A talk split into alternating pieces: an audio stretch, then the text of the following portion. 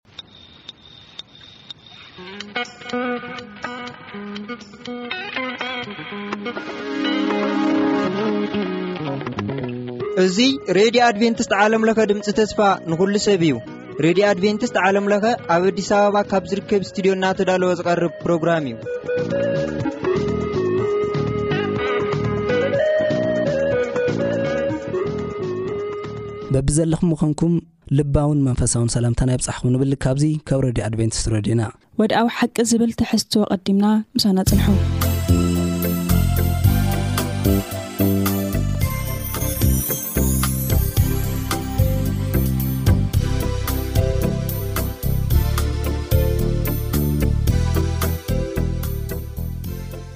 ሰላም ሰላም ኣቦቦትኡ ኮንኩም መደባትና እናተኸታተልኩምና ዘለኹም ክቡራት ሰማዕትና እዚ ብዓለምለኸ ኣድቬንስ ሬድዮ እናተዳለወ ዝቐርበልኩም መደብኩም መደብ ወድዓዊ ሓቂ እዩ ኣብ ናይ ሎሚ መደብና ድማ ዓወት ክርስቶስ ኣብ ሞት ዝብል እዩ ዓወት ክርስቶስ ኣብ ሞት ከም መእትዊ ጥቕስና ንሪኦ ኣብ ራእይ መራፍ ሓደ ፍቕዲ 17 ዘሎ ሓሳብ እዩ ከምዚ ድማ ይንበብ ምዕራፍ ሓደ ፍቅዲ ዓሰርተ ሸውዓተ ምስ ዓሰርተ ሸሞንተ ስለ ዘሎ ክልቲኡ ሓቢረ ዘንብቦ ከምዚ ይንበብ ምስ ረኤኽዎ ድማ ከም ሙት ኮይነ ኣብ ኣእጋሩ ወደቕኩ ንሱ የማናይ ኢዱ ኣንበረለይ ከምዚ እናበለ ኣነ ቀዳማይን እቲ ዳሕራይን እቲ ዝህያወይን እየ እሞ ኣይትፍራሕ ሞይተ እውን ነበርኩ እኖ ከዓ ንዘለኣለም ኣለም ህያወ መርሖ ሞትን ሲኦልን ከዓ ኣሎኒ መርሖ ሞትን ሲኦልን ናይ ሞትን ሲኦልን መኽፈቲ ቁልፊ ኣብ ኢደይ እዩ ዘሎ ክብል ከሎ ኢና ንርኢ እሞ ብጣዕሚ ደስ ዝብል ሓሳብ እዩ እምበኣር ሎሚ እቲ ዋና ሓሳብና ንሪኦ ኣብ ናይ ክርስቶስ ትንሳኤ ኮይኑ ክርስቶስ ከዓ መርሖ ሞትን ሲኦልን ከም ዘሎ ኣብ ሞት ስልጣን ዘለዎ ጎይታ ምዃኑ ኢና እቲ ዋና ሓሳቡ ክንሪኦ ማለት እዩ እምበር ናብ እቲ ናይ መጀመርያ ሓሳበይ ናብቲ ናይ ክርስቶስ ትንስኤ ክንመፅእ ከለና የሱስ ክርስቶስ ሓፍትና ቹቹ ብኣኸየ ዝጅምር የሱስ ክርስቶስ ንኸይትንስእ ዘይተገብረ ነገር ኣይነበረን ሓለውቲ ተገይሮም እምኒ ዓብዪ ተደፊኑ ብዙሕ ነገር እዩ ተገይሩ እሞ እዚ ተግባራት እዚ ብኸመይ ኢኺ ትርድእዮ ጨራሽ ማሕተም እውን ገይሮምሉ ነይሮም እሞ እዚ ተግባራት እዚ ብኸመይ ክትርእዮ እንታይ ከይምህረና ኣብዚ ሓሳብ እዚ ዝሓለፍ ንርኢ ፀንሕናና ክርስቶስ የሱስ ተደጋጋሚ ይነግሮም ነይሩ ወዲ ሰብ ሲ ክስቀል እዩ ከምኡ እውን ክሳቂ እዩ ብድሕሪኡ ግን ኣብ ሳልሳይ መዓልቲ ሲ ክለዓል እዩ ይብሎም ነይሩ ደጋጊሙ ክርስቶስ ይዛረቦም ነይሩና ሕዚ ግን ናይ ክርስቶስ መስቀል ክርስቶስ የሱስ ኣብቲ መስቀል ክመውት ከሎ እቲ ተልእኾ እቲ ዝተዋህቦ ናይ መወዳእታ ታርጌት ወይ ድማ እቲ መወዳእታ ዝበጽሐሉ ቦታ ክርስቶስ የሱስ ካብ ሞት ተንሲኡ ነቶም ምውታን ከኣ ካብ ሞት ከም ዘተንስኡ እዩ እቲ ናይ መወዳእታ ትንሳኤ ምውታን ብክርስቶስ ኣቢሉ ከም ዘሎ ሓጢኣት ናይ መወዳእታ ግዜ ዝተሰዓረ ምዃኑ ክርስቶስ ከብስር እዩ መጺኡና ግን ንርአ እስኪ እቲ ናይ መጀመርያ ነገር ሰይጣን ንመን እዩ ተጠቒምዎ እዚ ነገር ከይኸውን ንይሁዳ ዋዶ ይሁዳ እንታይ ገይሩ ክከድኦ ከም ዝተሰማምዐ ይብል። ምስ ካልኦት ሰባት ካይዱ ክሰማማዕ ከሎ ኢና ንርኢ። ኣብ ሉቃስ ዕስራን ክልተን ከምኡ ከኣ ዮሃንስ ዓሰርተ ሰለስተ ወንጌል ዮሃንስ ማለት እዩ። ይሁዳ እንታይ ይገብር ከል- ክንርኢ ሰይጣን ናብቲ ይሁዳ ይኣቲ እሞ ይሁዳ እንታይ ገይሩ ንቃውንቲ ከይዱ ከመይ ገይሮም ከም ክሕዝዎ ከም ዘለዎ ገይሩ ክተሓባበር ከሎ ኢና ንርኢ። ደቀ መዛሙርቲ ካብዞም ዓሰርተ ክልተ ሓደ ዝኾነ ማለት እዩ። ካልኣይ ከኣ ንርኢ ልቀ ካህናትን እቶም ሽማግሌታትን ከኣ ክመውት ሓቲቶምዎ ዶ ንጲላጦስ ካይዶም ክሓቱ ከለዉ ን ካሊእ ንጉስ እውን መን እዩ ነይሩ ሄሮድስ ንሄሮድስ እውን ካይዶም ከብሉ ከሎ ኣብ ዝኾኑ ቦታ እናኸዱ ክመውት ካሕቱ ከሎ ንርኢ ማለት እዩ እቲ ሳልሳይ ሓሳብ ካታ እዩ እኒኦ ክርስቶስ የሱስ ተታሒዙ ተታሒዙ ከሎ ከዓ እቶም ደቂ መዛምርቲ ከዓ ገዲፎሞ ከም ዝኸዱ ይነግረና ኣብ ማቴዎስ ስራን ሽዱሽተን ከምኡ ከዓ እቲ ጴጥሮስ ከዓ መሊሱ ሰለስተ ሻዕ እንታይ ገይሩ ክሕድዎ እዚ እውን ኣበይና ንረክብ ኣብ ማቴዎስ ስራን ሽዱሽተን እዩ ሕዚ ለንረክ ማለት እዩ ካብኡ ከዓ ኣብ መወዳእታ ንየሱስ ክርስቶስ ኣብ ዝተጸረበ መቃብር ምሰ ደቀስዎ መቃብር ብዓቢ እምኒ ገሮም እንታይ ገሮም ከም ዝኸደንዎ ይነግረና ከምኡ ከኣ ማህተም ከኣ እንታይ ገሮም ገበሩ ከምኡ ከኣ ብሮማውያን ሓለውቲ እንታይ ገሮም ክህሎ ገሮሞ ሓለውቲ ባዕሎም ሮማውያን ከም ዝነበሩ ይነግረና ማለት እዩና እዚ ኩሉ ዝመድሕ ነበረ እዚ ብዓይኒ ዘይረኣ ጭፍራ ኣጋንንቲ ማለት እዩ። እቲ ናይኹም ቅልስሲ ምስ ስጋን ምስ ደምን ኣይኮነን፣ ምስቶም ጸልማት ሓይልታት ኣብ ጸልማት ኮይኖም ከም ዘረእዩ ኮይኖም ብድሕሪ ዝሰርሑ ነበሩ ናይ ኣጋንንቲ ሓይልታት እዚ ኩላይ ነገር ክፍጽምዎ ከለው ኢና ንርኢ ማለት እዩና ክርስቶስ ግን ብዛዕባ እዚ ተዛሪቡ ነይሩ እዩ። ብመስቀል ሃም ዝመውት ተዛሪብተን ነጊርዎም ነይሩ እዩ። ከም ናይ ዮናስ ምሳሌ ኣምጺኡሲ ክርስቶስ ኣብ ዓሳ ነባሪሲ ሰለስተ መዓልቲ ከም ዝድቅስ ነጊርዎም ነይሩ እዩ። ከምኡ ከኣ ከም ዝወጽእ ልክዕ ዮናስ ካብቲ ዓሳ ነባሪ ከም ዝወጸ ከም ዝነገረ ንርኢ ማለት እዩ። ኣምቲ ኣብ ዝሓለፈ ዝረኣናዮ ከኣ ከም ዝመውት ሰለስተ ሳልሳይ መዓልቲ ከም ዝትንስእ። እዚ ኩሉ ምስ ሓለፈ ኣብ ማቴዎስ ዕስራን ሸውዓተን ኣብቶም ናይ ክርስቶስ የሱስ ናይ መወዳእታ ግዜ ስሳን ክልተን ጀሚርና እስኪ ነንብቦ ከምዚ ይብል። ንጽበይቱ ድሕሪ'ታ ምድላው እትውዕል መዓልቲ፣ ሊቃውንትን ካህናትን ፈሪሳውያንን ናብ ጲላጦስ ተኣኪቦም፣ ጐይታይ፣ እቲ መሳሓቲ ብህይወት ከሎ፣ ድሕሪ ሰለስተ መዓልቲ ክትንስኤ እዩ'ሞ፣ ዝበለ ተዘከረና። ስለዚ ደቀ መዛሙርቱ ብለይቲ መጺኦም ከይወስቅዎ፣ ከይሰርቅዎ፣ እሞ ንህዝቢ ካብ ምዉታት ተንሲኡ ከይብሉ፣ ካብ'ታ ቀዳማይትሲ እታ ዳርሃይቲ ስሕተት ከይትገድድ፣ እቲ መቓብር ክሳዕ ሰለስተ መዓልቲ ክሕሎ እዘ ዝበልዎ ጲላጦስ ሓለውቲ ኣነ እኒወልኩም ከይድኩም ከም ፍልጠትኩም ኣጽኒዕኹም ሓሉ በሎም ከይዶም ነቲ መቃብር ኣጽንዕዎ ነቲ እምኒ ድማ ምስቶም ሓለውቲ ኮይኖም ማሕተም ገበሩሉ ሰለስተ መዓልቲ ሓለውቲ ተኸቢቦም ከምኡ ከም ዝነበሩ ንርኢ ማለት እዩ ልገርመካ ክርስቶስ የሱስ እዚ ኩሉ ዝገብርዎ ነገር እንታይ እዩ ነይሩ ንከይትንስእ ንከይትንስእ ከኣ ከም ትስንስእ ከኣ ይዛረብ ነይሩ እና ግን ምትንስኡ ኣይኮነ ኣቢልዎም ደቀ መዛሙርቲ ሰሪቆም ወሲዶም ሲ ካብኡ ድሃር ተንስኡ ከይብሉና ሲ ሓሉ ገለ ኢሎም ከብሉ ክንርኢ ኣለና ግን ክርስቶስ የሱስ ሞት ኣይዓገቶን ምክንያቱም ሓጢኣት ኣይነበሩን ምድሪ ከዓ እንደውም እኮ ጸሓይ እኮ ጸልሚታ እያ በቲ ትክስቀል መዓልቲ እዛ ምድሪ ከኣ ነዚ ሓጢኣት ዘይነበሮ ወዲ ኣምላኽ ሒዛ ክትጸንሕ ኣይትኽእልን ስለዚ በታ ልበላ መዓልቲ ክርስቶስ የሱስ ካብ ሙታን ከም ተንሰአ ኢና ንርኢ ማለት እዩና እዚ ዓብዪ ነገር የምህረና ኣብ ህይወትና ክርስቶስ የሱስ ወዲ ሰብ ከምቲ ጽሑፍ ክኸይድ እዩ ኢሉ ኣብ መወዳእታ ግን ከምቲ ጽሑፍ ከኣ ከም ተንሰአ ኢና ንርኢ ማለት እዩና ኣብ ህይወትና ሎሚ ብዝተፈላለየ መንገዲ መቓብራት ተዃዒቶም ተቐቢርና ከምኡ ከኣ ኣብልዒሌና ከኣ ማሕተም ተገይሩዎ ክኸውን ይኽእል እዩ ከምቲ ዝበልናዮ ብእኡ ንዝኣመነ ኣድሕነኒ ንዝበለ ክርስቶስ የሱስ ናይ ትንሳኤ ሙታን ኣምላኽ እዩ እሞ ነቲ ዝሞተ ነገርና ዋላ እንታይ ዝገብር ኣምላኽ እዩ ወይ እዚ ነገር ተስፋ የብሉን ወይ እዚ ነገር ጸልሚቱ ወይ እዚ ነገር ሞይቱ ዝበልናዮ ነገር ዋላ እንታይ ልገብር ኣምላኽ እዩ እንደገና ህይወት ዝዘርእ ናይ ትንሳኤ ኣምላኽ እዩ እዚ ኣብ ምድራዊ ነገርና ኢና ንብለና ዘልኣለም ህይወት ዋኒን ክንከውን ከኣ ክርስቶስ የሱስ ብደሙ ኣቢሉ ተንሲኡ ኣርዩና እዩ እሞ ምስኡ ተንሲእና ህይወት ረከብቲ ክንከውን እዩ ንነግረና ማለት እዩ። እግዚኣብሔር ይባርኽኪ ሓፍትና ቹቹ ብጣዕሚ ደስ ዝብል ሓሳብ ኢኺ ሂብክና ምናልባት ምስዚ ኣተሓሒዘ ሓውና ኣማረ ክሓቶ ዝደሊ ሓሳብ ዝከኣሎም ጌሮም እዮም ሰባት ቆጺሮም እዮም እቲ መቓብር ከየደናጋግሮም ማሕተም ጌሮምሉ እዮም ዓብ እምኒ እዮም ጽዒኖሞ ብጣዕሚ ወተሃደራት ዓቀይቶት ገሮም ሓለውቲ ገይሮምሉ ነሮም እዮም ከመይ ነይሩ ድሓር የሱስ ክርስቶስ ተንስኡ እዩ ይብለና እሞ ኣብቲ ናይ ክርስቶስ ትንሳኤ ነዞም ኩሎም በዲ ሂወት ክትንስእ ዝገበሩ ተዋሳኢ መን እዩ ነይሩ ናይ የሱስ ክርስቶስ ትንሳኤ ከ ብከመይ ኢካ ትገልፆ ናይ ጎይታን ትንሳኤ ክርኢ እንከለና ቃል ኣምላኽ ዝተኣመነ እሙን እዩ ካብ ናይ ኣምላኽ ቃል ንላዕሊ ክትኣምኖ ትኽእል ታሪክ የለን የሱስ ካብ ሞት ከም ዝተንስኣ ኣብ ማቴዎስ ዕስራን ሸሞንተን ቁጽሪ ሓደ እንታይ ይብል? ድሕሪ ሰንበት ወጋሕታ እታ ቀዳመይቲ መዓልቲ፣ መዓልቲ ሰሙን፣ ማርያም በዓልቲ መግደላን እታ ካልኣይቲ ማርያም መቓብር ክርእያ መጻ። እንሆ፣ ዓብዪ ምንቅጥቃጥ ምድሪ ዀነ፣ መልኣክ እግዚኣብሄር ካብ ሰማይ ወረደ፣ ቅርብ ኢሉ ነቲ እምኒ ገልበጦ፣ ኣብ ልዕሊኡ ኸኣ ተቐመጠ። ትርኢቱ ከም በርቂ ክዳኑ ድማ ጻዕዳ ከም በረድ እዩ። እቶም ሓለውቲ ንእኡ ፈሪሖም ራዕራዕ በሉ ከም ዝሞቱ ውን ኮኑ። እቲ መልኣኽ መሊሱ ነተን ኣንስቲ በለን ንስኻትክንሲ ነቲ እተሰቐለ የሱስ ትደልያ ከም ዘለኽን እፈልጥ ኣለኹ እሞ ኣይትፍራሓ። ከምቲ ዝበሎ ተንሲኡ እዩ እሞ ኣብዚ የለን። ነታ ጐይታ ተንቢርዋ ዝነበረ ስፍራ ንዕነ ርኣያ ይብለን። እዚ እዩ ጐይታና የሱስ ክርስቶስ ካብ ሞት ከም ዝተልዓለ ወንጌላዊ ማቴዎስ ክገልጸልና እንከሎ ማለት እዩ። እና እንታይ እዩ ሰይጣን ምስ ኣጋንንቱ ብክርስቶስ ትንሳኤ ከም ዝተሰዓሩ ሰይጣን እንታይ እዩ ክርስቶስ ፎር ኤቨር በቃ ከም ዝጠፍእ ዓይነት መሲልዎ ነይሩ። ግን ክርስቶስ እንታይ ገይሩ ትንሳኤ ክኾን ኣሎ እና ኣብቲ መስቀል ሰይጣንን እቶም ኣጋንንቱ ብክርስቶስ ትንሳኤን በቲ መስቀል ከም ዝተሰዓሩ እቲ መቓብር እውን ጥርሑ ከም ዝነበረ እና ሰይጣን ኣብዚ በቃ ስርሑ ኩሉ ከም ዝፈረሰሉ ኢና ንርኢ እና ስልጣን ናይ ጎይታና የሱስ ክርስቶስ ክንርኢ እንከለና ኣብ ዮሃንስ ዓሰርተ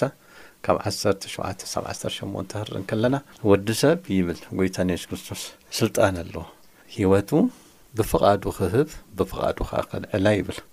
እንደገና ከኣ ጎይታና የሱስ ክርስቶስ ብዝተልዓለሉ መንፈስ ንሕና እውን ከም ንለዓል ኣብ ሮሜ ሸሞንተ ዓሰርተ ሓደ ይነግረና። ታይ እዩ ካብዚ ክንርዳእ ዘለና ክርስቶስ ሞይቱ ነይሩ እወ ሞይቱ ነይሩ ኣብ መስቀል ሞይቱ ነይሩ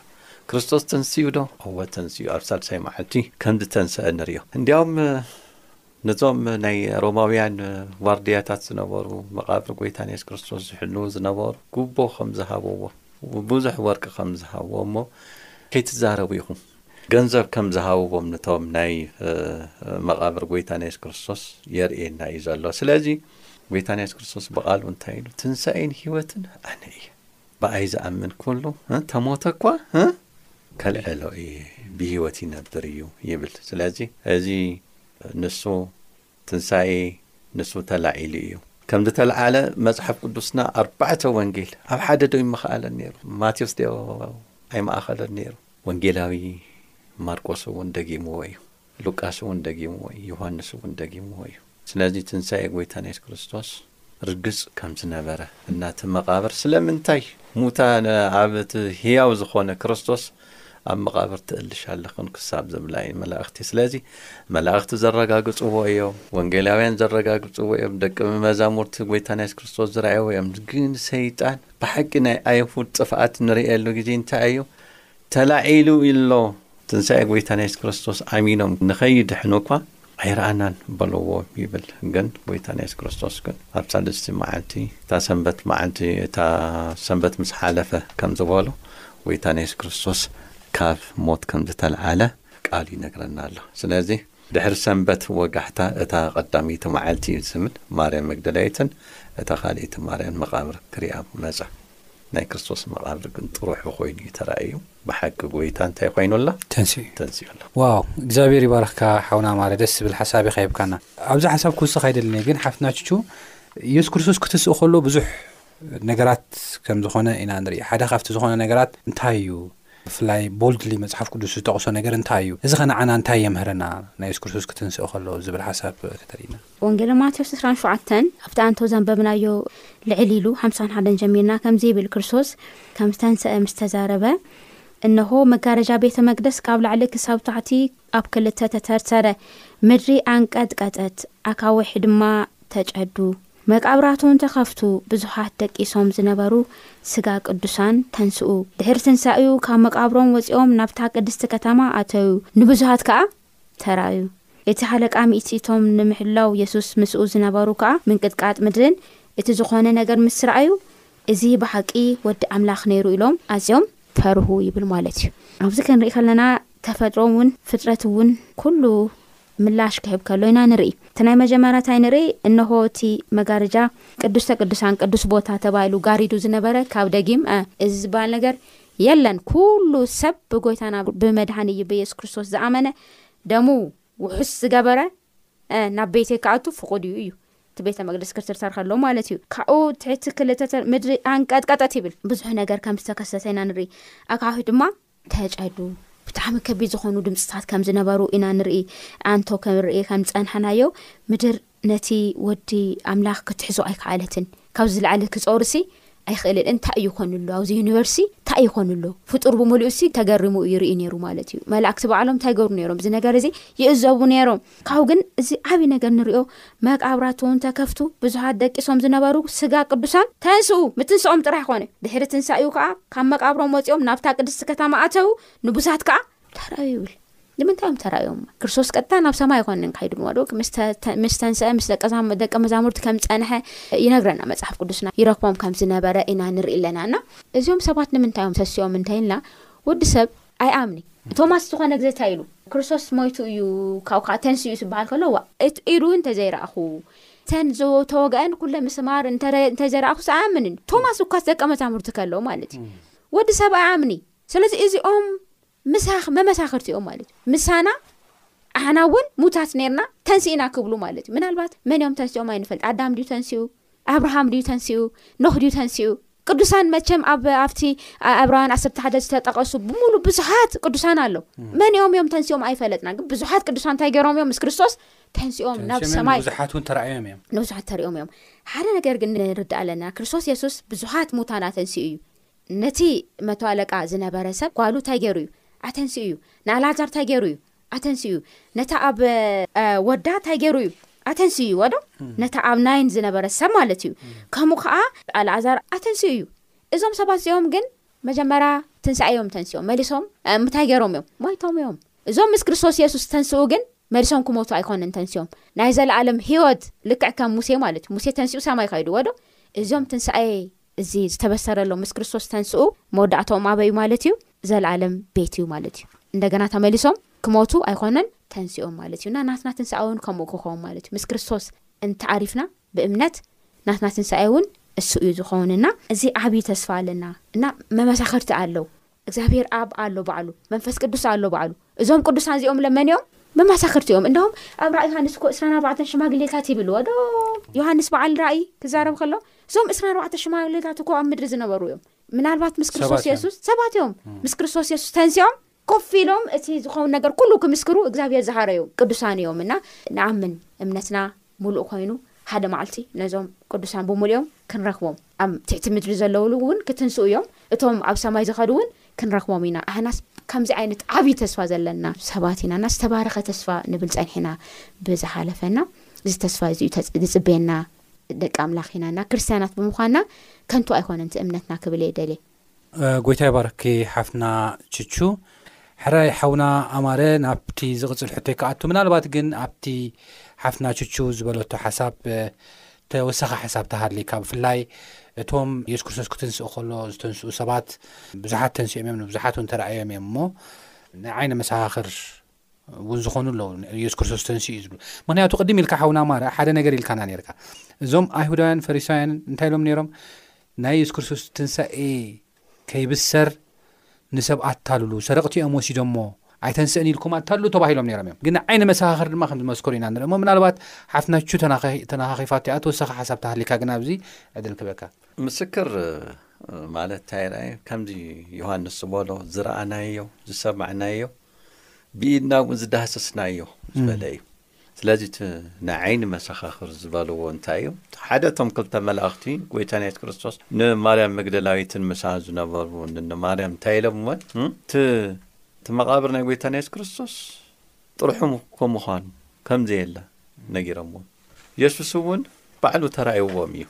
እንዲያውም ኣምሊኾምዎ ኣምሊኾምዎ እዮም ንጐይታና የሱስ ክርስቶስና ንጴጥሮስ ንገርዎ ኢሉ ንጴጥሮስ እውን ተራእይዎ እዩ ተራእዩ ተገሊጹሉ እዩ እቶም ጌሽ ዝነበሩ ናብ ኤማውስ ዝኸዱ ዝነበሩ እውን ጎይታ ንየሱስ ክርስቶስ ምስቶም ክልተ ደቂ መዛሙርቲ ኮይኖም ኣብ መንጎኦም ኮይኑ ይዘራረብ ከም ዝነበረ ይነግረና ማለት እዩ። እዚ እቲ ማዕጾ ዓጽዮም እቲ በሪ ዓጽዮም ንኣይሁድ ፈሪሖም እናሃለዉ ጎይታና የሱስ ክርስቶስ እንታይ ኢሉ ሰላም ንኣኹም ይኹን ኢሉ ኣብ መንጎኦም ከዓ ተረኸበ። ኣርብዓ ድድሕሪ ትንሣኤ ነርብዓ መዓልትታት ጎይታና የሱስ ክርስቶስ ንሃዋርያቱ ከም ዝረኣዮም ዝነበረ ንደቂ መዛሙርቱ ከም ዝረኣዮም ዝነበረ ንሓሙሽተ ሚእቲ ሰባት ንኣታቶም እውን ከም ዝተራእየ። መወዳእትኡ ግን በዓል ጴጥሮስ ዮሃንስ ሃዋርያት ኮይኖም ኣብ ባሕሪ ዓሳ እናገፈፉ እናሃለዉ ማለት እዩ ንኣታቶም ኣብቲ ወሰን ገምገም ባሕሪ ኮይኑ ይርእዮም ከም ዝነበረ እሞ ደሓር ምስኣቶም እኳ ከም ዘቑረሶም እኳ ንርኢ። ስለዚ ከምቲ ቹቹ ዝበለቶ ናይ ቶማስ ክገልጽ ይደሊ። ቶማስ ኣይነበረን። ጐይታ ርኢናዮ ተበለዎ ኖኖኖኖ ከይረኣኹዎ፣ ዝተሸንከሮ፣ ዝተወግኦ ከይረኣኹ ኣይኣምንን ኢሉ። ቶማስን ጐይታና የሱስ ክርስቶስ ምስ ተራኸቡ ግን ሓደ ልብኻ ዝትንክፍ ነገር ኣሎ። ቶማስ ንዓስቲ ቶማስ እንካ ዝተቸንከረ ኢደይ ንዓ ጐነይ ረኣዮ ኢድካ ምጻእዮ ምስ በሎ ቶማስ ዝመለሶ እንታይ እዩ? ኣምላኸይ ጐይታይ ኣምላኸይ ከም ዝበሎ ንጐይታን የሱስ ክርስቶስ እዩ ካብኡ ዝኣመንካ ደኣ ኹን እምበር ዘይምእማን ተሪር ልቢ ኣይሃሉኻ እመን ከም ዝበሎ ንርኢ ኢና ስለዚ ጎይታና የሱስ ክርስቶስ ከም ዝተልዓለ ከም ዝዓረገ እርግጥ ጎይታና የሱስ ክርስቶስ እውን ኣቱም ሰብ ገሊላ ንምንታይ እንቃዕሪርኩም ትርእዩ እዚ ትርእይዎ ዘለኹም ኢየሱስ ከምዚያ ኢልኩ ከም ዝኸደ ከምዚያ ኢሉ እውን ክመጽእ እዩ ተባሂሉ ዓብዪ ተስፋ ከም ዝተውሃቦ ንርኢ። ስለዚ ጎይታና የሱስ ክርስቶስ ብዙሓት መሰኻኽር ከም ዘለውዎ ከም ዝተልዓለ ኣምላኽና ጎይታና የሱስ ክርስቶስ ከም ዝተልዓለ የርእየልና እዩ። ስለዚ በዚ ክንኣምን ይግበእና ክብል ይደሊ። እግዚኣብሄር ይባርኽካ ሓውና ኣማረ ብጣዕሚ ደስ ዝብል ሓሳብ ኢኻ ሂብካና ናብቲ ናይ መወዳእታ ሓሳበይ ክኸይድ ሓፍትና ቹቹ ኣብ ቀዳማይ ቆሮንቶስ ምዕራፍ ዓሰርተ ሓሙሽተ ፍቕዲ ዒስራ ከምዚ ዝብል ሓሳብ ኣሎ ንሱ ድማ ሕጂ ግና ክርስቶስ በዅሪቶም ዝደቀሱ ዀይኑ ካብ ሙታት ተንስኤ ይብለና። እዚ ምስ በዓል በዅራት ዝበሃል ኣብ ብሉይ ኪዳን ዝነበረ እንታይ የተሓሕዞ? በዅራት ክብል ከሎኸ ነቶም ዝደቀሱስ በዅራት ኰይኑ ተንሲኡ ኣሎ ክብል ከሎስ እንታይ ማለት እዩ? ምኽንያቱ ቅድሚኡ ዝተንስኡ ሰባት የለዉን ድዮም? ኣብ ዝሓለፈ ናይ ቃል ግዜና በዓል ኤልያስ ተንሲኦም ኣለዉ ኢልና ኔርና እሞ ከመይ ትርእዮ እዚ ሓሳብ እዚ? እሺ እቲ በዓል ብኩራት ዝበሃል ኣብ ዘዳግም ዕስራን ሽዱሽተን ካብ ሓደ ጀሚርና ክንርኢ ከለና እታ ናይ መጀመርያ ናይ ምድሪ ፍረ ማለት እዩ ምድሪ ሓሪሱ ሓረስታይ ካብኡ ድሓረ ዘሪኡሲ ፈርዩ ምስ ኣበለስ እታ ናይ መጀመርታ እቶት ወይ ድማ እታ ናይ መጀመርታ ዝፈረየት ፍሬ ቦኽሪ ወይ ድማ ናቲ ናይ እግዚኣብሔር ኣምላኽ ንምስጋና ዝኸውን ክኸውን ከም ዝግባእ እግዚኣብሄር ዝተዛረቦ ክፍሊ እዩ ንኣነ ልገረመኒ እዚ ነገር እዚስ ክትገብሩ ከለኹምሲ እስኹምስ ይብል እግዚኣብሄር ስደተኛታት ኮይንኩም ኣብ ዝተቐመጥኩም ምድር ኔርኩም እግዚኣብሄር ክፉእ ግብፃውያን ክፉእ ክገበሩ ኣጥቁዕኹም ብርቱዕ እዩ ድማ ፀዓኑና ናብ እግዚኣብሄር ኣምላኽ ኣቦታትና ከዓ ተማሃለልና እግዚኣብሄር ድማ ቃልና ሰምዐ ድኻምናን ምጥቃዕትናን ከዓ ረኣየ እግዚኣብሄር ድማ ብሓይሊ እድን ብዘርግሒቲ ቅልፅምን ብዓበይቲ መፍርህን ብትእምርታትን ብተኣምራትን ካብ ግብፂ ኣውጸኣና እዚ በኩራት እዚ ሒዝኩም ካይድኩም ናብ ካህን ምስ ሃብኩምሲ እዚ እግዚኣብሄር ዝገበርኩም ነገር ተዛረቡ ይብለና ማለት እዩ ካብኡ መጺእና ግን ኣብ ሓድሽ ግዳን ክመጽእ ከለና ጳውሎስ እዚ ነገር እዚ ኣብ ቀዳማይ ቆሮንቶስ 15 ዕስራ ከምዚ ኢሉ ይገልጾ 15 ዕስራ ከምዚ ይብል ሕጂ ግና ክርስቶስ በኩሪቶም ዝደቀሱ ኮይኑ ካብ ሙታት ተንስአ ይብል በዅሪ እቶም ዝደቀሱ ኰይኑ ካብ ምዉታት ተንሥአ ክንብል ከለና፣ ኣብዚ ከምቲ ዝረኣናዮ ኣብ እስራኤል ናይ ጥንቲ እስራኤል እቲ በዅሪ ዝዀነ ናይ ሕርሻ ፍረ ናእግዚኣብሔር ወሲዶም እግዚኣብሔር ንኦም ዝገበሮ ከመይ ገይሩ ከም ዘውጽኦም ክዛረቡ ከዘንቱ እግዚኣብሔር እቲ ዝገብረሎም ነገር ክርስዑ ክገብሮም ከሎ ኢና ንርኢ ክርስቶስ በዅሪ ኢሉ ክጽውእ ከሎ ጴጥሮስ ነዚ ሓሳብ እዚ ተጠቒሙ እዩ ከምኡ ዝብለና ስለዚ ክርስቶስ የሱስ በዅሪ ኮይኑ ክልዓል ከሎ ዝገርም ነገር ወዲ ሰብ ሕዚ ናይና ትንሳኤ ናይ ክርስቶስ የሱስ ትንሳኤ ሲ ከትንስ ከለና ሓደ እዩ ኩላትና ካብ ሞት ኢና ትንስንስእ ማለት እዩ ክርስቶስ የሱስ ግን እቲ ኣይዳዉ እቲ ኣጋሩ እቲ ምስማር ዝተወግኦ ነገር ምስ ባዕሉ እዩ እቲ በሰላ እቲ በሰላ ስሒዙ እዩ ተልዒሉ ክርስቶስ የሱስ ንርኣይ ከዓ ጳውሎስ እዚ ኣነስ ድኻም ኔሩኒ ይብልዎዶ ንእግዚኣብሔርሲ ሰለስተ ግዜ ብዚ ነገር እዚ ጠየቅክዎ እግዚኣብሔር ግን ሓይለይ ኣብ ድኻምካ ክፍጸም እዮምቦ ጸጥ በል ኢሉኒ ኢሉ ወዶ ጳውሎስ ሕማም ከም ዝነበሮ ኢና ይነግረና መጽሓፍ ቅዱስና እዚ ማለት ክርስቶስ የሱስ ብምስ በሰሉ ተሲኡ ማለት ክርስቶስ ጳውሎስ ምስቲ ሕማሙ ክትስኢ ድዩ ማለት ኣይኮነን ክርስቶስ የሱስ ምንታና ዝገበሮ ነገር ምስቲ በሰላ ዋላ እንተተንስአ ንወዲ ሰብ ግን ኩሉ ሓድስ ዝገብር ኣምላኽ እዩ ማለት እዩ ጳውሎስ እንታይ ክኾኑ እዩ ምስ ሕማሙ ኣይኮነ ሓዲስ ማለት ምስቲ መጀመርያ ተፈጢሩ ነበረ ሙልሙል መንነቱ ክትንስእ ከም ዝኾነ ኢና ንርኢ ማለት እዩና ትንሳኤ ሙታን እቲ ከምቲ ዝረኣናዮ ኩሉ ናይ ክርስቶስ የሱስ ሞት እና ትንሳኤ ናይቲ ናይ ክርስትናና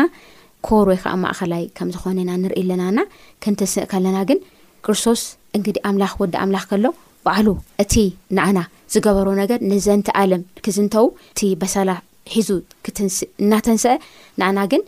ካብቲ ሓጢኣት ተታይዙ ዝመጽእ ነገር ኩሉ ኣናጊፉ ብጽሩይ እንደገና ሓድስቲ ገይሩ እንደገና ናብቲ ጽሩይ ኣለም ከም ዛብጽሐና እዩ ዝነግረና እሞ ናብዚ ቦታ እዚ ክንመጽእ ናብዚ ቦታ እዚ ኣብዚ ቦታ እዚ ክንርከብ ጸጋ እግዚኣብሔር ክበዝሐልና እዩ እቲ ጸሎትና ማለት እዩ። እግዚኣብሔር ይባርኽኪ ሓፍትና ቹቹ ብጣዕሚ ደስ ዝብል ሓሳብ ነይርና ክቡራት ሰማዕቲ ብዝነበረና መደብ ከም ተባረኽኩም ተስፋ ንገብር ንዘለኩም ዝኾነ ይኹን ሕቶ ወይ ርእቶ ግን በቲ ልሙድ ኣድራሻና ናብ ዓለም ለኸ ኣድቬንስ ሬድዮ ድምፂ ተስፋ ንኹሉ ሰብ ቁፅሪ ሳዙን ቦሰና 145 ኣዲስ ኣበባ ኢትዮጵያ ወይ ድማ ብቁፅሪ ስልክና 09 01 94 76 ከምኡውን ብ 09 21 88